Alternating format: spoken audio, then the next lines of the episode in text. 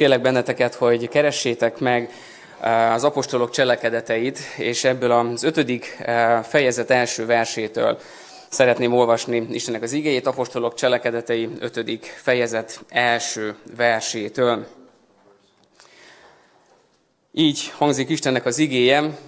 Egy ember név szerint Anániás feleségével, Szafírával együtt eladott egy birtokot, és az árából feleségének a tudtával félretett magának, egy részét pedig elvitte, és az apostolok lába elé tette. Péter azonban így szólt. Anániás, miért szállta meg a sátán a te szívedet, hogy hazudj a Szentléleknek, és félretegyél magadnak a föld árából? Ha megmaradt volna, nem neked maradt volna meg? És miután eladtad, nem te rendelkeztél-e az árával? Mi indította a szívedet ilyen cselekedetre? Nem embereknek hazudtál, hanem az Istennek. Amint meghallotta Anániás ezeket a szavakat, összeesett és meghalt.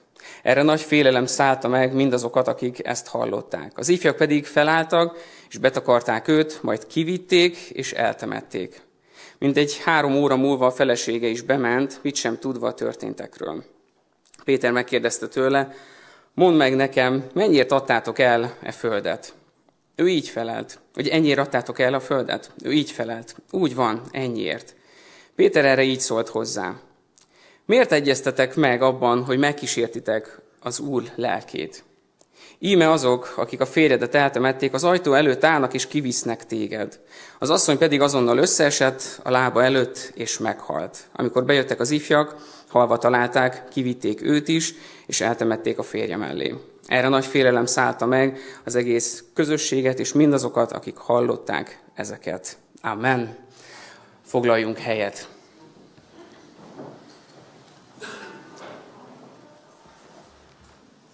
Hát ezen a mai délelőttön, ahogy elindult az Isten tisztelet, volt egy gyerekbemutatás, volt egy nagyon bátorító imára buzdítás, és aztán jön ez az ige.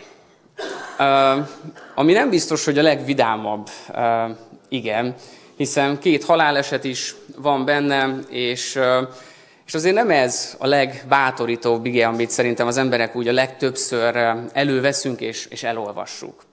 Szeretném megkérdezni tőletek, hogy amikor ezt elolvastátok már valaha, vagy most, amikor hallottátok, akkor, akkor milyen érzések vannak bennetek? Ki az, aki, aki ilyen csodálkozva, vagy ilyen értetlenül áll ezelőtt a, a történet előtt? Nyugodtan lehettek bátlak, felteltitek a kezeteket. Ki az, aki azt mondja, hogy eh, fú, ez az ige mennyire, mennyire mélyre vitt engem, és, és értem azt, hogy az Isten mit akar ebből kihozni az én életemben. Vannak egy páran. Ki az, aki azt mondja, hogy fú, hát minden reggel ezzel az igével szeretnék felkelni, hogy így induljon az én napom. Hát erre már nincs, nincs jelentkezés. Többször olvastam már ezt az igét, és többször szolgálhattam már ebből az igéből, de mégis valahogy, amikor az elmúlt hetekben elém jött ez az ige, hogy ebből fogok készülni, nem hagyott nyugodni. Tudtam azt, hogy múlt héten is én fogok szolgálni, akkor egy nagyon jó, könnyed témát hoztam elétek, az 5000 ember megvendégelése, csoda, készültünk már az esti alkalomra, de, de végig ott motoszkált bennem, hogy aztán jön a következő hét. Jön a következő hét, ami két embernek a haláláról szól az ige. És tudjátok, ennek a, a tanulsága az, az igazából egy szóban össze lehet, vagy egy mondatban össze lehet foglalni, meghalni egy hazugság miatt. És itt be is csukhatnánk a Bibliát, és imádkozhatnánk, de akkor nem biztos, hogy megértenétek, hogy, hogy, hogy mit akar üzenni Istennek az igéje számunkra ezáltal. És, és nagyon sokszor föltetjük a kérdést, hogy de miért van a Bibliában benne egy ilyen üzenet? Miért kell nekünk ezt olvasni? Nagyon sokan lehet, hogy sajnáljuk is Anániás meg az ő feleségét, Szafirát, hogy hát eladták az ő vagyonukat. Oda vitték, hát, hát nem jót cselekedtek. És meg fogjuk majd látni, hogy kibontjuk ezt a mai délelőttön, hogy a szándék mi volt mögötte. Hogy mit akartak ők ezzel bemutatni. És nagyon nagy jelentősége van annak, amit ez a példa ad, ami számunkra, mert Isten nekünk mutatni akar ezáltal valamit. A az elmúlt hetem az nagyon e, sűrű volt, e, sokfelé jártunk, iskolákba szolgáltunk, és különböző e, helyeken voltunk. Itt e, van egy amerikai házaspár, akikkel együtt szolgáltunk a Fiatalok Krisztusérton keresztül, és e, a tegnapi napom is e, elég sűrűre sikeredett, reggeltől késő estig e, el voltam otthonról, és egy különleges szolgálattal zárulhatott a tegnap estém. És őszinte leszek veletek, amire nem nagyon vágytam elmenni. Egy osztálytalálkozónk volt, érettségi osztálytalálkozónk, és mivel mi református iskolában végeztünk, ott az a szokás, hogy hát amikor osztálytalálkozó van, akkor is hát vagy az iskola lelkészt megkérik, hogy akkor szolgáljon ott közöttünk, vagy mivel kiderült, hogy lelkészként szolgálok, ezért akkor az osztály főnök, illetve az a lány, aki szervezte, akkor mondta, hogy fú, hát milyen jó, hogy akkor szolgálj te közöttünk. És nem voltunk sokan, kevesebben voltunk, mint 20, de annyira még soha nem izgultam, mint tegnap este. Sokkal könnyebb most elétek ide kiállni, mint tegnap este az osztály, volt osztálytársaim elé. És Ráadásul pont azért, mert úgy indult az egész este, hogy én már késve tudtam kiérni, mert délután háromkor kezdődött ez az osztály találkozó. Mi egy közgyűlésen voltunk még jó néhányatokkal tegnap, és onnan siettem aztán ki. És már elindult a, a bemutatkozó kör. Én a második vagy harmadik emberre értem oda, és hát mindenki elmondta a kis élete történetét, hogy az elmúlt x évben hogyan alakult, miket csináltak, hogyan állnak most. Van, aki házas, van, akinek gyereke van, van, akinek nincs senkie, valaki az út, útját keresi. Szóval azért nagyon különböző élethelyzetben voltunk. És amikor rám került a sor, akkor én is elmondhattam, és akkor mondták, hogy na hát akkor, akkor ezután akkor menjünk föl a kápolnába, és akkor jöjjön a, a, a, a te szolgálatot felénk. Hát mondom, itt vagyunk az osztályban, most miért kell még a kápolnába is fölmenni? Na de hát fölmentünk a kápolnába, nagyon hideg volt, sötét volt, úgyhogy hát egy nagyon izgalmas kezdete volt ez az egésznek. És azért imádkoztam, hogy az Isten adjon szavakat, hogy, hogy tudjak feléjük szolgálni. És arról szolgáltam, amikor az Úr Jézus a tengeren jár, és hogy a, az életünkben is melyen sokszor vannak hullámok, és, és ez milyen egyensúlyvesztést tud hozni a mi életünkben. És ott az Úr Jézus ugye azt mondja, hogy közeledik a hajó felé, hogy bízzatok, hogy ne féljetek, bízzatok, én vagyok. És ezzel bátorítottam őket is, hogy amikor vannak nehézségeink az életben, akkor ezekbe érdemes mindig kapaszkodni. Ebbe érdemes mindig kapaszkodnunk, hogy, hogy ne féljünk. A félelem nagyon sokszor olyan cselekedeteket hoz a mi életünkben, amik, amiket lehet, hogy utána megbánunk. A félelem az nagyon sokszor úr lehet a mi életünkben, és, és kizár bizonyos dolgokat belőlünk. A félelem az nagyon-nagyon rossz tanácsadója az életünknek, mert nem, nem olyan döntéseket hozunk, ami valóban áldását tudna lenni rajtunk. A félelem az nagyon sokszor visszafog bennünket. A félelem az nagyon sokszor megriaszt bennünket dolgoktól, és inkább maradunk a kis komfortzónánkon belül. A félelem az egy nagyon-nagyon eh, kártékony dolog tud lenni az életünkben, hogyha beengedjük a félelmet. És tudjátok, eh, aztán ahogy így beszélgettünk, vagy beszéltem nekik Istennek az igényéről, és Istennek a szeretetét átadhattam nekik, volt egy eh, fiatal, vagy hát egy osztálytársam, és aztán amikor elmentünk vacsorázni, akkor utána odajött hozzám, és azt mondta, hogy orvosként dolgozik, és azt mondta, hogy az ő élete az most pont erről szól. Teljes egyensúlyvesztés, van egy 8 hónapos kislányuk, illetve egy két és fél éves kislányuk, a felesége is orvos, teljes káosz az egész életük, most költöznek, szóval, hogy minden, minden a feje tetejére állt. Tehát azt mondta, hogy kvázi, mintha ha róla beszéltem volna. És csak annyit tudtam neki mondani, hogy az Isten nagyon szeret téged, és bíz bennem. És tudjátok, aztán, amikor utána jöttem hazafele, akkor végig gondoltam, hogy, hogy miért féltem annyira, amikor ki kellett állni. Hiszen olyan emberek felé szolgálhattam, akik, akik nem biztos, hogy, hogy az Isten útján járnak. És ez a mi feladatunk, hogy megosztani Istennek az igéjét másokkal. De hát ez a kis kitérő volt, hogy aztán lássátok, hogy most milyen lelki állapotba jöttem ide hozzátok. Tehát a félelem, ami volt, az, az leküzdöttem. Hál' Istennek, az Istennek a lelke kiűzte belőlem a félelmet, és ez a legjobb dolog, hogy tényleg ő képes erre. És most eljött ez a vasárnap reggel. Eljött ez az ige, Anániás és Szafirának a története, ami nagyon-nagyon kemény példát mutat a mi számunkra. hogy meghalni egy hazugság miatt. És nekik nem lett volna erre szükségük. De miért volt szükség arra, hogy, hogy ez bekerüljön a Bibliában? Hát nézzük először, hogy mi volt Anániás és Szafira legnagyobb bűne. Hát a legnagyobb bűnük az az volt, hogy nem az, hogy, hogy eladták a vagyonuk, vagy a házukat, és abból aztán félretettek maguknak, hanem hogy hazudtak.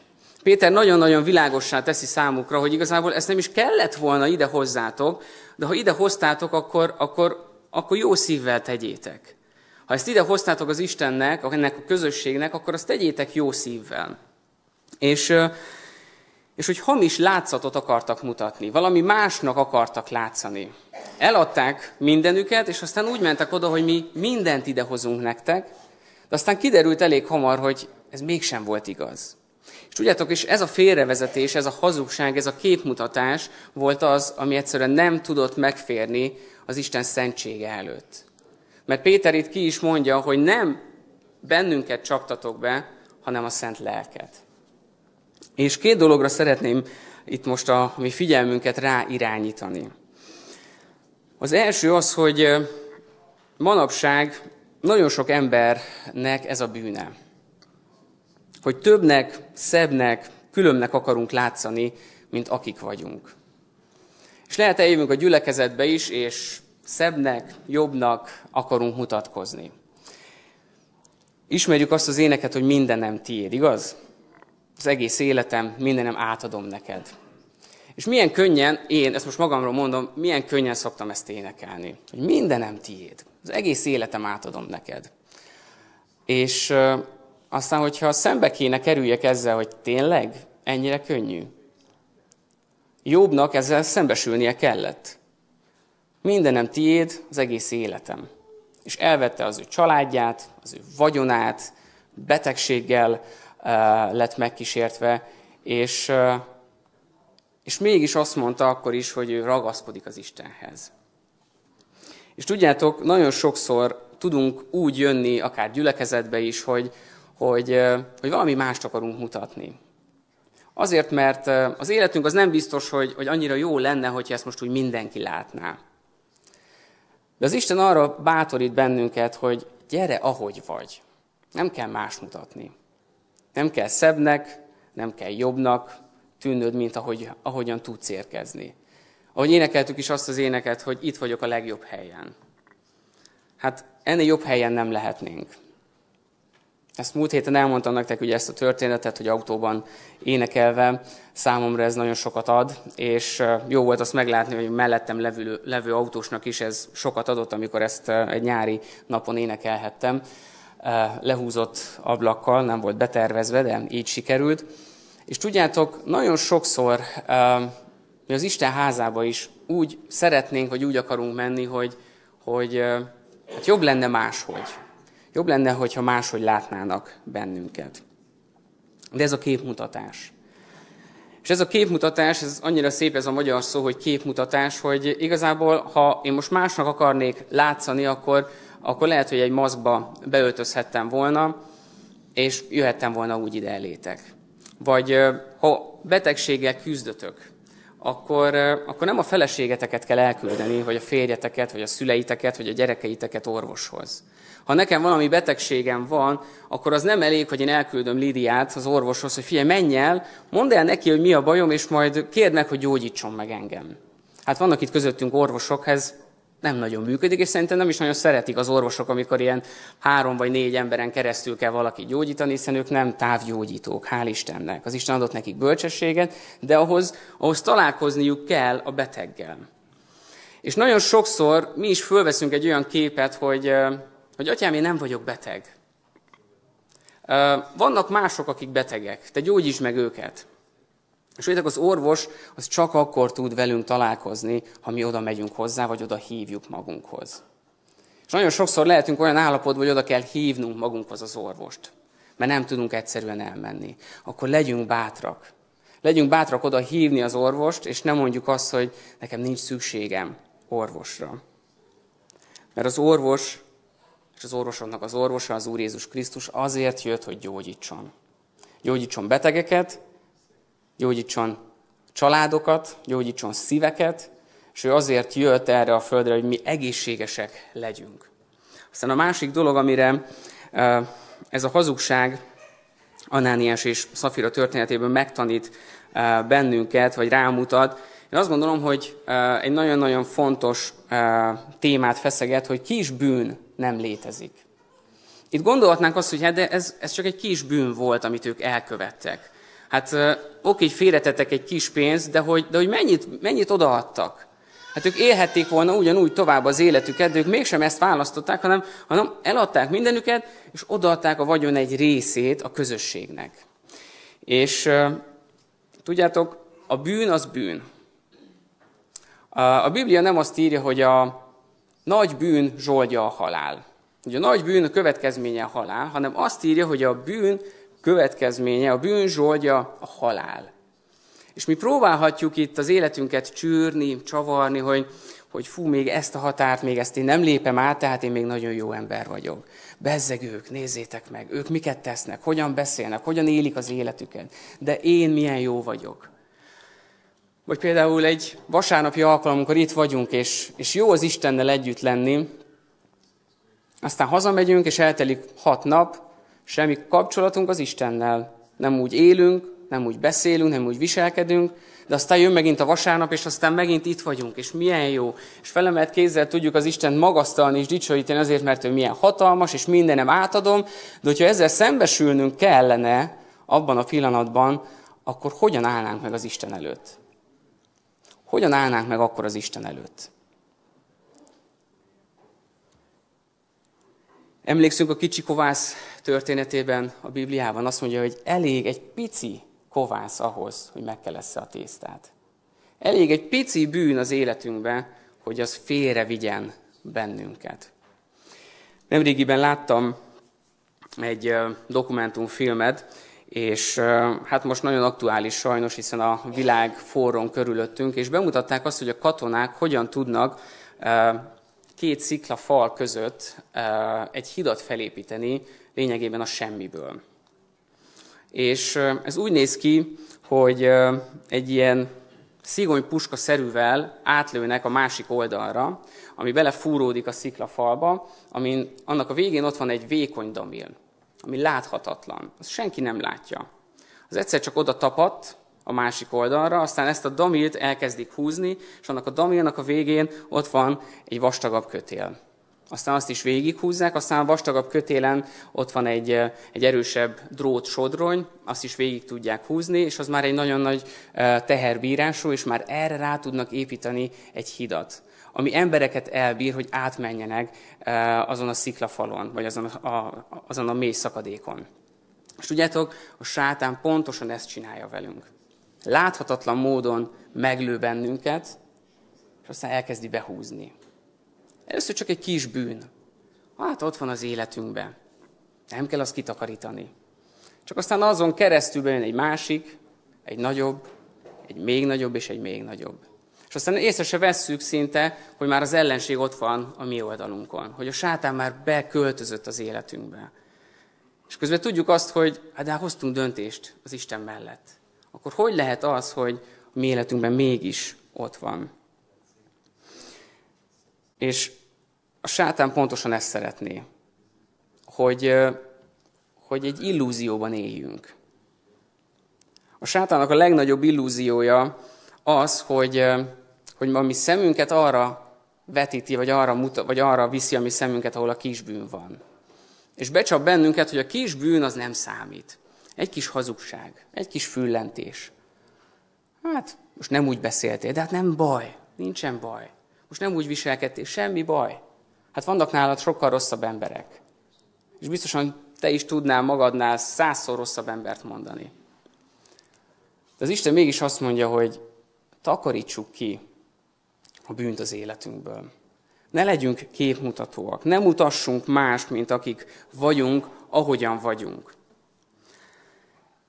Tudjátok, a másik dolog, ami, ami nagyon erősen megmutatkozik ebben a történetben, az pedig az, hogy az egy nagyon mély, az pedig maga a gyülekezet. Hogy mi a gyülekezet, hogy vagyunk. Nagyon érdekes, hogyha olvassuk az Istennek az igéjét, akkor láthatjuk azt, hogy az eklézsia szó az ezután jön be a Bibliában, ami azt jelenti, hogy szenteknek a közössége.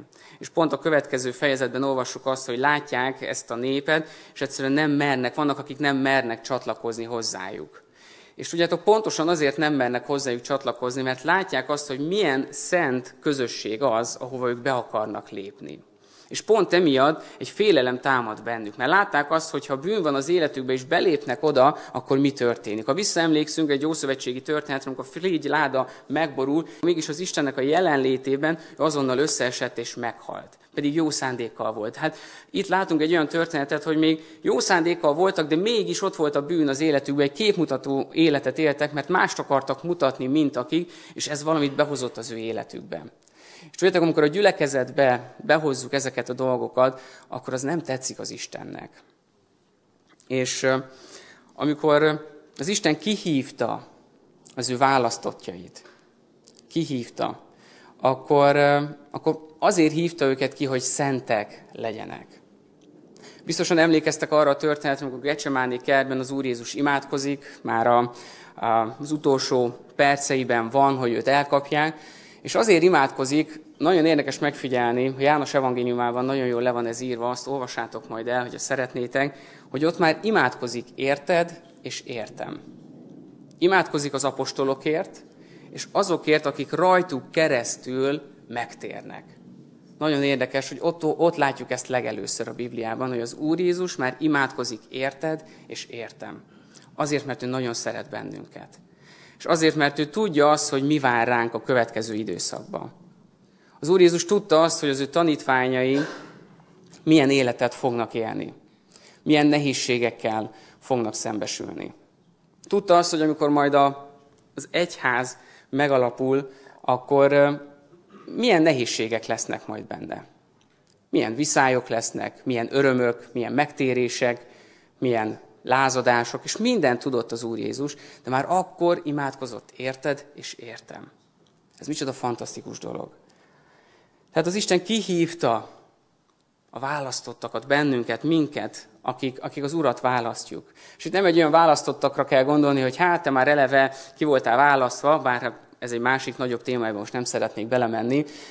Az, az Úr Jézus mindannyiunk számára felkínálja a lehetőséget, hogy tartozzunk ehhez, a kiválasztott néphez. Mert ő kihívott bennünket. Kihívott bennünket a világból, kihívta azokat a farizeusokat a tradícióból, amiben benne voltak, hogy mentek imádkozni, és minél hangosabban, és minél nagyobb hajló, haj, hajlongással. Hogyha voltatok már Izraelben, akkor ezt ti is megtapasztaltátok és láttátok, bár most nem a legalkalmasabb idő arra, hogy valaki oda utazzon, de hogyha az elmúlt években volt arra lehetőségetek, hogy elmenjetek a siratófalhoz, egy nagyon érdekes élmény az, amikor ott vagyunk a siratófalnál, és a férfi részlegen ott van bent balra egy belső szoba hogy oda be tudtatok menni, vagy voltatok ott bent, akkor látjátok azt, hogy ott folyamatosan megy az imádság. És olyan hévvel imádkoznak, hogy igazából tényleg azt éltem meg, amit a Bibliában is olvasunk, hogy egyre hangosabban és hangosabban már-már túl kiabálva egymást, és hajbo, haj, hajlonganak, és már a, a földön vannak, és be akarják mutatni, hogy ők mennyire imádják az Istent. És az Isten mégis azt mondja, az Úr Jézus azt mondja, hogy nem, nem ez a legfontosabb, hogy te hogyan nyilvánulsz meg, hanem ha te imádkozol, menj be a belső szobádba, és imádkozz ott. Zárd magadra. És nem utasd meg, hogy te mennyire jól tudsz imádkozni, hanem inkább cselekedj. És nagyon sokszor tudunk mutatni bizonyos dolgokat magunkról, hogy mi milyen ügyesek vagyunk. Nekem mindig nagyon nehéz az, amikor uh, missziós beszámolót kell tartanom, akár ha külföldön vagyunk, vagy akár ha ide-haza itt a kuratóriumi alkalmainkon, amikor évente kétszer-háromszor be kell számolni, hogy na hát akkor egy missziós beszámolót mondja, hogy miket csináltatok. Mert én jobban szeretem csinálni a missziót, mint beszámolni róla. Nekem mindig olyan, olyan, olyan nehéz, pedig tudom, hogy jó dolog és nem rossz dolgokat csinálunk, de mégis mindig nehéz beszámolni arról, hogy fú, most ennyi fiatalt értünk el ezen a, ezen a nyáron, most ilyen és ilyen dolgokat csináltunk, bár tudom azt, hogy nagyon sokaknak ez bátorítást tud lenni, de mégis nekem egy kicsit ilyen nehezemre esik, hogy, hogy én ne, ne mondjak véletlenül sem mást, mint amit mi tettünk. És tudjátok, az Isten pont az őszinteségünket szereti. A farizeus gondolkodásból kihívta ezeket az embereket, a szokásból, a templomba járásból azért, hogy csak menjünk oda, mert ő életre hívott ki bennünket. És amikor itt az apostolok cselekedetében olvassuk ezt az igét, hogy pontosan ezek az emberek, az apostolok, meg az első keresztények, azt nem úgy kell elképzelni, mint a régi kommunizmusban, hogy mindenünk közös volt, és hát vigyünk be mindent, de aztán nem kapunk belőle semmit, hanem ez tényleg egy azért indult el, hogy egymásról gondos, gondoskodhassanak. És az Isten erre hív bennünket, hogy nem feltétlenül a vagyonunkat kell most ide behozni. Ne, ne erre gondoljatok elsősorban, hanem a mi szívünket hogy milyen a mi szívünk, amit idehozunk. Az Úr Jézus beszél arról, hogy fél szívvel nem lehet csatlakozni hozzá. Az Úr Jézushoz nem tudunk fél szívvel csatlakozni. Nem tudunk úgy csatlakozni hozzá, hogy egy kicsit csatlakozok hozzád vasárnap, akkor százszázalékosan ott vagyok, akkor szolgálok neked, akkor az egész életemet, a szívemet, mindenemet átadom neked, de kérlek téged, hogy hétfőtől hagyj békén. Hétfőtől nekem nincs rád szükségem. De aztán majd szombat este majd megint ráeszmélünk, hogy Istenem, nekem rád van szükségem. Ez a fél szív. Amikor egy kicsit akarunk az Istenből, akarjuk az ő áldásait, de amikor a hétköznapokban vagyunk, akkor meg, hát, jó nélküle is. El tudok lenni nélküle is. Hogyan éljük az életünket? Egyszer Spurgeon-től megkérdezte egy lelkipásztor, hogy, hogy hogyan lehetne az ő gyülekezete még erősebb. Mert látta Spurgeon, hogy milyen hévvel, milyen vehemenciával, milyen erőteljesen hirdeti az Istennek az igéjét. És megkérdezte ettől a lelkésztől, hogy neked van bűn az életedben? Hát teljesen értetlenül állt előtte, hogy hát ez milyen kérdés? Hát lelkipásztor vagyok, hát hogy lenne bűn az életemben? Védkeztél az elmúlt héten? Egyre nagyobb csodálkozásom. Én nem ezt kérdeztem, hanem hogy hogyan lehet a gyülekezetünk még erőteljesebb. És Spurgeon nem hagyta magát, csak kérdezte, hogy van bűn az életedben? Látsz bűnöket a gyülekezetedben? Azt mondta, hogy takarítsd ki ezeket szeretettel. Engedd, hogy az Istennek a szeretete helyreállítson téged, helyreállítsa a gyülekezetedet. Ha erőteljes gyülekezetet akarsz, ha ébredést akarsz a gyülekezetedben, ne engedd be a bűnt. Szentek közössége legyetek. És aztán ez a lelkész visszament a kis angliai gyülekezetében, és elkezdte szeretni az ő, az ő gyülekezetét. Elkezdett arról beszélni, hogy milyen az Isten, milyen az Úr Jézus. Hogy kicsoda az Úr Jézus, hogy hogyan bocsájt meg bűnöket, hogy hogyan állít helyre életeket és kapcsolatokat. És egyszer csak látta, hogy ott volt egy család, aztán ott maradtak. Aztán ez a család hozott még egy családot. És elkezdett növekedni a gyülekezet. Ez a gyülekezet nem egyik napról a másikra lett nagy gyülekezet, de aztán ennek a kisvárosnak majdnem minden lakója ebbe a gyülekezetbe járt. A templomot kinőtték, és teljes mértékben eh, körbeállták már az emberek, amikor, amikor volt egy-egy vasárnapi alkalom. És azért, mert nem engedték be a bűnt. Sem a tagok, sem a lelkész. És tudjátok, azért szerettem volna ezt a példát hozni elétek, hogy ne azt érezzétek, hogy most innen fentről könnyű prédikálni, hogy takarítsátok ki a szíveteket. Nem. Takarítsam ki én először a szívemet. És engedjük meg az Istennek, hogy kitakarítsa a mi szívünket. Engedjük meg az Istennek, hogy azokat a folyamatokat, amiket lehet, hogy már évek óta, év, sok-sok évvel ezelőtt elkezdtünk, és még ott van az életünk, és nem tudjuk elengedni azokat a rossz folyamatokat az életünkbe, akkor engedjük meg az Istennek, hogy azt megtörje. Ne engedjük a sátánnak, hogy azon a vékony damé szálon fölépítse az életünkben a bűnnek a hídját, hogy könnyen járkálhasson, hanem romboljuk le, engedjük meg, és ne legyünk olyanok, mint Anániás és Szafira, akiknek az élete egy képmutató élet volt. Ez a példa, ez nagyon-nagyon fájó, és nagyon-nagyon nehéz ezt, ezt hallani és szembesülni ezzel. De tudjátok, az Istennek a szeretete az, ami meg tud bennünket változtatni. Az Istennek a kegyelme az, ami helyreállít dolgokat az életünkben. Az Isten nagyon sokszor világít rá az életünkbe bizonyos dolgokra. Tudjátok, amikor az ige arról ír, hogy tükör által homályosan látjuk az, az ő arcát, akkor ez azért van, mert abban az időben a tükör az nem olyan szép volt, mint most, hogy belenézel és egy, egy az egybe, hanem az egy olyan uh, fém uh, volt, vagy egy olyan megmunkált tükör volt, ami hát azért elég homályosan mutatta be, vagy mutatta, adta vissza azt a szemét, aki ott van. De mi, nekünk milyen jó az, hogy mi már, mi már szemtől szembe találkozhatunk az Istennel, az ő szent lelke által. És rámutathat bizonyos dolgokra. És tudjátok, nekem is, amikor rámutatott bizonyos dolgokra az életemben, akkor nem volt könnyű. Nem volt könnyű odaállni mondjuk a feleségem elé és bocsánatot kérni bizonyos témákban.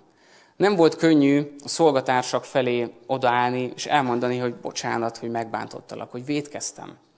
Nem volt könnyű felismerni azt, hogy milyen bűnök vannak az életemben, akár már szolgálóként is, amiket hosszú-hosszú évek óta cipelek magammal.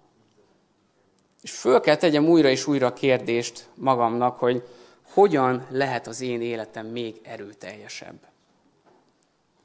Takarítsuk ki a bűnt az életünkből. Takarítsam ki a bűnt az életemből. Azzal szeretném zárni ezt a részt, hogyha Isten jelen van az életünkben, az nagyon-nagyon jó. Akkor tudhatjuk azt, hogy, hogy kihez kell fordulnunk ezekben a pillanatokban is. Ha nincs ott az életünkben az Isten, nincs ott az Úr Jézus az életünkben, akkor pedig ma hallottátok, hogy kihez kell fordulnunk. Nem a pattársunkhoz, nem a mellettünk levőhöz, hanem az élő Istenhez. Az élő Isten az, aki meg tudja változtatni az életünket. Az élő Isten az, aki tud frissességet hozni az életünkben. Az Úr Jézus Krisztus az, aki meg tud eleveníteni bennünket. A száraz csontokra is aztán inak kerülnek, és hús kerül, és egy hadsereg fel tud állni. Erre volt képes az Isten. És azt olvasok a Bibliában, hogy az, az Isten, az Úr Jézus, az tegnap, ma és mindörökké ugyanaz. Az Istennek nem csak egy csodája volt, ami az akkor működött, hanem az Úr Jézus ma is tud betegeket gyógyítani. Ha elhisszük azt, ami le van írva a Bibliában, hogy az Úr Jézus Krisztus tegnap, ma és mindörökké ugyanaz, akkor minden szavát elhihetjük, ami a Bibliában van. És ráhatunk azokra az ígéretekre, amiket kaptunk az Istentől. És megtörhetünk olyan folyamatokat az életünkben, amik az Istentől elválasztanak bennünket. És ne várjunk arra, hogy jaj, majd holnap holnap jobb lesz, holnap majd könnyebb lesz. Nem, hanem oda tudunk menni mi most az Istenhez. Oda tudunk menni, és tudunk folyamodni az Istenhez. És át tudjuk adni az életünket az Istennek, minden egyes területét. És nem úgy, mint az a beteg, aki elküldi a feleségét, hogy menj el helyettem, és mutasd meg te a lábadat az orvosnak, hát ha tud adni rá valamit, hanem én kell elmenjek oda, és én kell megmutassam a beteg testrészemet az orvosnak. Én kell elmenjek az Úr Jézushoz, hogy meg kell hívjam az Úr Jézus most akár ebben a pillanatban, hogy világítson rá az életemben olyan dolgokra, amiket nekem le kell tennem. És lehet, hogy fáj szembesülni ezekkel az igazságokkal, ami néha az Isten elénk hoz, de milyen felszabadító tud az lenni, amikor megtapasztaljuk azt, hogy az Isten szeretete átmos bennünket. Akkor az Istennek a kegyelme megtisztít bennünket. És most a következő percekben szeretném hívni a dicsőítő csapatot. Igaz, nem volt megbeszélve, és látom a rémületet az arcukon, de ne a félelem. Nem a félelem lelkét kaptátok. Kérlek meneteket, hogy gyertek, és énekeljük azt az éneket, hogy itt vagyok a legjobb helyen. És vezessen bennünket ez az ének abban, ahogy elkezdődik majd ez az ének, az első soraiban ott van az, hogy a múlt még visszahúz. Köszönöm, már ki is van vetítve. A múlt még visszahúz, és lehet, hogy vannak olyan dolgok az életedben, ami, ami még vissza akar húzni. Ami még nem akar elengedni téged. Amit még most ki kell takarítanod az életedből. És lehet, hogy csodálkozol néha, hogy, hogy miért nem jönnek tömegével ide a gyülekezetbe is a megtérők. Múlt héten átéltünk egy óriási csodát. Akik ott voltatok az arénában, átéltünk egy óriási csodát, hogy az a tér ott lent megtelt az emberekkel. És amikor megérkeztünk, és láttam, hogy mekkora tér van, Jánoséktól a, a színpadig, hát elcsodálkoztam, hogy ennyire nagyot hagyni. Hát milyen lehet ott fent beszélni? És tudjátok, amikor az emberek elkezdtek tódulni oda, akkor pedig az volt bennem, hogy nem lehetett volna még egy kicsit hátrébb hozni. Nem lehetett volna még egy picit hátrébb hozni, még többen odaférjenek. Hogy vagy ma itt? Mit üzent ma neked az Isten? Mi az, amit ma le kell tenned az Isten előtt? Mi az a rossz folyamat az életedben, amit oda kell adnod az Istennek, hogy azt megtörje? Akár kis bűn, akár nagy bűn, de amint tudjátok, a bűn következménye a halál. Nem a nagy bűn következménye, nem a kis bűn következménye, hanem a bűn következménye a halál. És hogyha van még olyan dolog az életedben, amire úgy érzed, hogy azt ki kell takarítani, akkor hívlak téged ma arra, hogy engedd, hogy az Isten elvegyen dolgokat tőled. Engedd, hogy az Isten elvegyen dolgokat az életedből. És az Isten lelke most arra vezet, hogy, hogy gyertek, álljunk fel, és szeretnék arra lehetőséget adni, hogyha valaki szeretne imádságot kérni, akkor, akkor merjen. És akik itt vagytok most előjárók, akár lelki gondozók, János, ha ide oldalra, hogyha ide tudnátok uh, állni, akkor uh, kérlek benneteket, hogy gyertek, jó néhányan vezetők ide oldalra, hogy, uh, hogy tudjanak oda menni és imádságot kérni tőletek. Mert lehet, hogy vannak olyan dolgok, amikkel már régóta küzdesz, és nem tudod, nem tudod letenni az életedben. Vagy akár van egy bizonytalanság az életedben, vagy egy félelem, akár a családoddal kapcsolatban, akár az egészségeddel, akár az életeddel kapcsolatban, akkor most legyen arra lehetőség, hogy oda menj az Istenhez, és kérj, kérj tőle, hogy szabadítson meg téged ebben.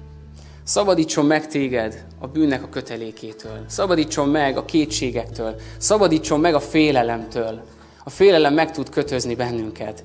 És itt énekeljük majd, hogy a múlt még visszahúz. Lehet, hogy vannak dolgok, amik még vissza akarnak húzni téged, de ne engedd. Legyen ez a mai vasárnap az, ami megtöri ezt a dolgot az életedbe. Úgyhogy kérlek benneteket, előjárók, akik erre szabadok vagytok, nem volt előre egyeztetve, de akik erre vállalkoztok, hogy gyertek ide, és benneteket meg arra kérlek, hogy az Isten lelke most nem hagy benneteket nyugodni, vagy egyszerűen csak szeretnél imádkozni. Presbiterekkel, előjárókkal, Jánossal, akkor legyetek erre szabadok. Így énekeljük most ezt az éneket, és ez alatt pedig gyertek bátran, nyugodtan ki.